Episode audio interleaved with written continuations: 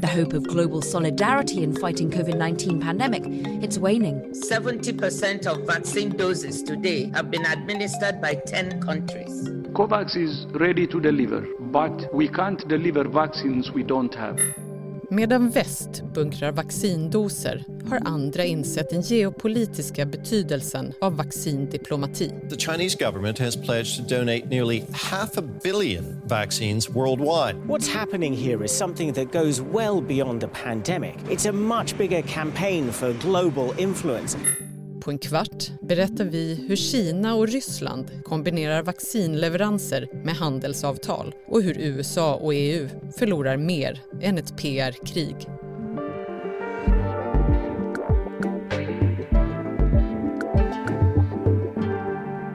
Det är onsdag den 12 maj. Vi är Maria Jelmini och Karin Bülow Orje och du lyssnar till Dagens Story från Svenska Dagbladet. Thomas Lundin, du är mångårig Tysklands korrespondent. Över 1,4 miljarder doser coronavaccin har distribuerats världen över hittills. Men långt ifrån alla länder har ju fått ta del av dem. Ja, så är det och det, det är ju eh, tragiskt och bedrövligt och så vidare. Och vi, vi har kunnat läsa liksom, jämförelser med ett sjunkande Titanic liksom, där de rika hoppar i livbåtarna och de sämre ställda liksom, de går under.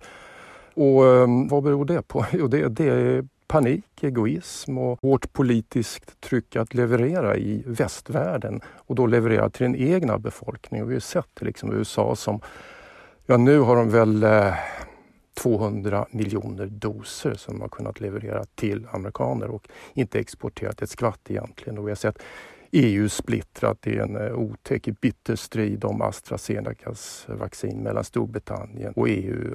Det finns ju ett uppmärksammat citat från i vintras när WHO-chefen poängterade att världens 92 fattigaste länder då sammanlagt hade fått 25 stycken doser jämfört med 39 miljoner doser som då hade producerats. More than 39 million doses of vaccine have now been administered in at least 49 higher income countries. Just 25 doses have been given in one lowest income country. Det kanske säger en hel del. Det, det gör det ju faktiskt och, det, det, är ju det som gör att nu springer ju eh, andra länder i bräschen, alltså Kina och Ryssland. Där ligger ju ett öppet fält och eh, ett vakuum som fylls med det ryska vaccinet och Sinovac eller Sinopharm från Kina. Medan vi liksom fortfarande håller på och håller igen och bunkrar vaccin. Höginkomstländer har kunnat säkerställa vaccinleveranser från först och främst amerikanska och europeiska läkemedelsbolag genom redan etablerade handelsrelationer medan låginkomstländer tvingats vända sig till Ryssland och Kina för att säkra upp vaccin. Men det kommer med ett pris. Ryssland och Kina säljer nu stora mängder vaccin till länder i Asien, Afrika, Sydamerika och Östeuropa. Inte sällan kombineras leveranserna med andra bilaterala avtal om infrastrukturprojekt, energiinvesteringar, företagsetableringar. Men vaccindiplomati handlar som oftast också om att skapa allianser och geopolitiska fördelar. Det handlar ju dels då om ska jag säga, någon slags soft power, alltså att bygga förtroende, framstå som pålitliga eh, och eh, till skillnad från, från de här egoisterna i västvärlden. Och vi har ju sett att eh, tv-bilder och i sociala medier fyllda liksom med leveranser från, från eh, Kina och Ryssland och, och statsledare på Balkan och i Östeuropa som liksom rusar ut till flygplatsen och tar emot det här vaccinet. Och det är ju en otrolig propagandaseger och en seger i goodwill och eh, det är någonting som jag tror eh, det kommer man inte glömma i första taget det här.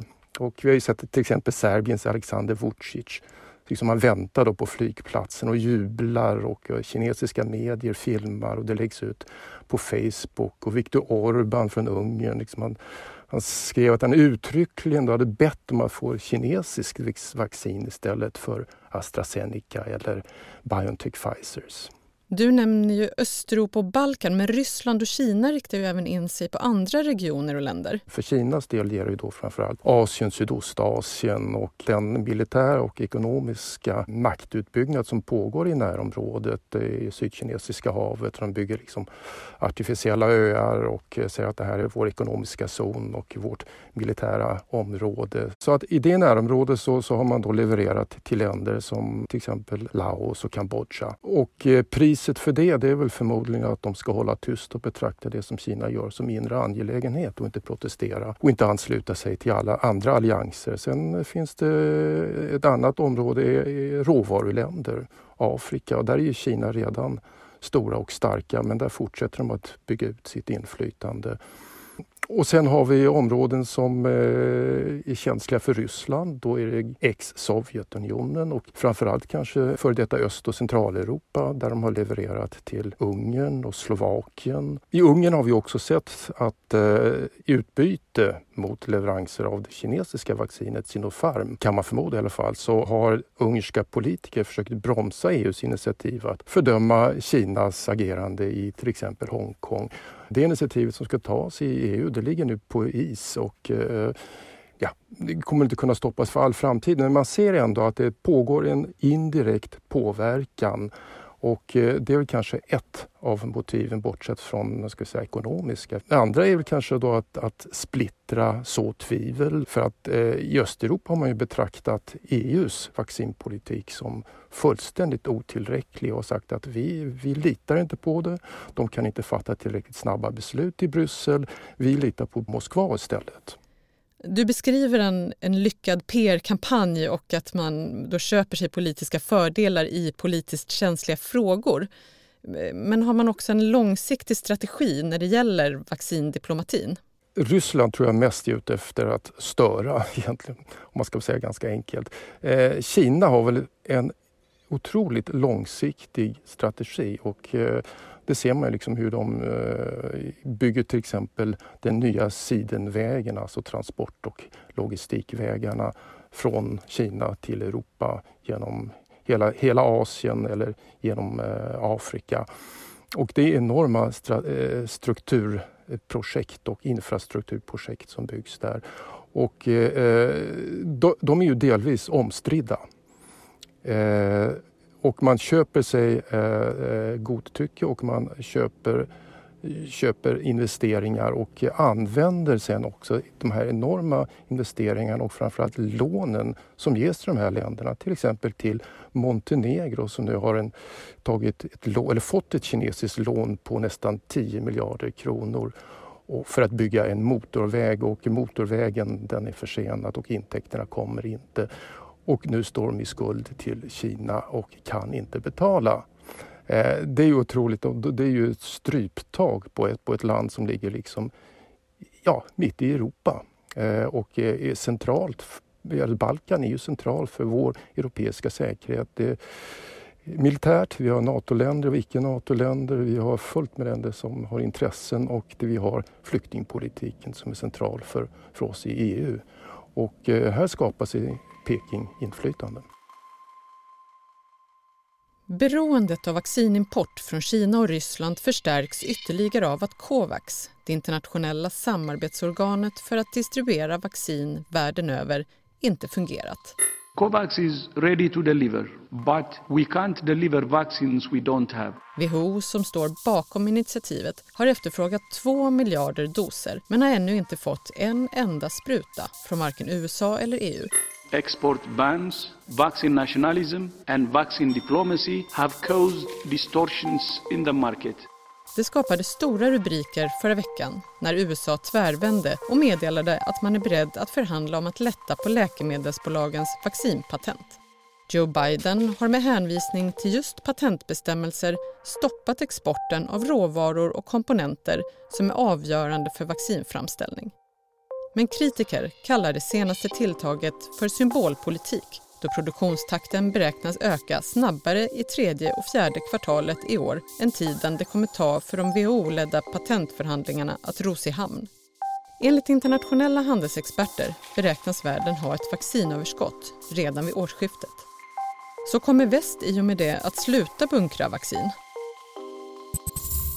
Ja, det kommer de göra. Det, det här kommer ju bli liksom, uh, vi går in i en slags vaccinvardag liksom, för corona har liksom kommit för att stanna så att det kommer bli mer eller mindre regelbundna eh, vaccineringstillfällen eller boostningar och vi kommer att behöva det många år framöver förmodligen. Så att när väl kapaciteten finns för att vaccinera hela världsbefolkningen, då är vi kanske framme i 2022, 2023 något sånt. När eh, säga, större delen av den eh, inte så rika delen av världen är vaccinerad. Men varför gör då inte USA och EU mer för att hjälpa de länder som hamnat efter i vaccineringen? Ja, kan man tycka. uh, nej, men vi är inte färdigvaccinerade hemma. Så, så enkelt tror jag att det är. Och, eh, det är hemma först som gäller? America first, uh, Europe first. Absolut, så är det. EU till exempel började i förra veckan att leverera sina allra första doser till eh, västra Balkan. 650 000 doser som ska fördelas på länderna där. Men, men det kommer sent och vi ser att eh, till exempel Montenegro de får 40 000 men de har redan fått 200 000 kinesiska Sinopharm så vi ligger långt efter och det här liksom, det är ju bara en droppe i havet. 0,3 procent av de vaccin som hittills distribuerats världen över har gått till fattiga länder enligt WHO. Samtidigt hävdar många epidemiologer att bristen på vaccin i låginkomstländer ökar risken för att nya varianter av coronaviruset uppstår som vaccinet i sin tur kanske inte biter på och att vi därför antagligen kommer att vara tvungna att vaccinera oss regelbundet mot corona, vilket kan leda till ett långvarigt beroende av ryska och kinesiska vaccin. Men tror du att det faktum att USA och EU inte har delat med sig av vaccin, de har blockat vissa exportkedjor som behövs för att andra ska kunna tillverka vaccin i stora mängder, kommer det att skada synen på väst framöver? På kort sikt har det redan skadat enormt. Frågan är om det blir långvarigt. Jag, jag, jag, tror att minnet kommer inte att blekna. Det kommer att sätta sig och vi kommer att se att inställningen till västvärlden har förändrats. Men så det här har liksom förändrat balansen globalt? Ja, det har förändrat synen. Sen är det mycket annat som spelar in naturligtvis. Det här utspelar sig så mot bakgrund av, av ett skärpt eh, geopolitiskt eh, läge. Det är ju länge sedan vi haft så, så liksom hårda tongångar och så polariserat världspolitiskt klimat som, som nu med Ryssland som har truppsammandragningar vid gränsen mot Ukraina. Vi har ständiga konflikter i Sydkinesiska havet. Vi har Biden som sätter hårt mot hårt mot Kina och eh, ja, jag kan förmodligen fortsätta ganska länge. Men coronavaccinleveranserna har i alla fall varit en, en PR-succé för både Kina och Ryssland. Det är inte bara ett kortsiktig PR-seger utan det har ändrat synen, kanske inte i första hand på Kina och Ryssland utan på oss, västvärlden. Tack Thomas Lundin för att du var med i Dagens Story. Tack så mycket.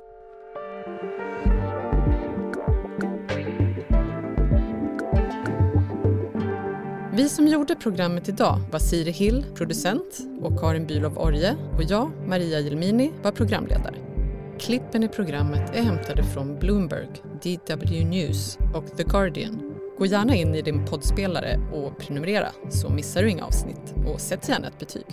Du lyssnar till Dagens Story från Svenska Dagbladet. Ett ämne, en kvart, varje vardag.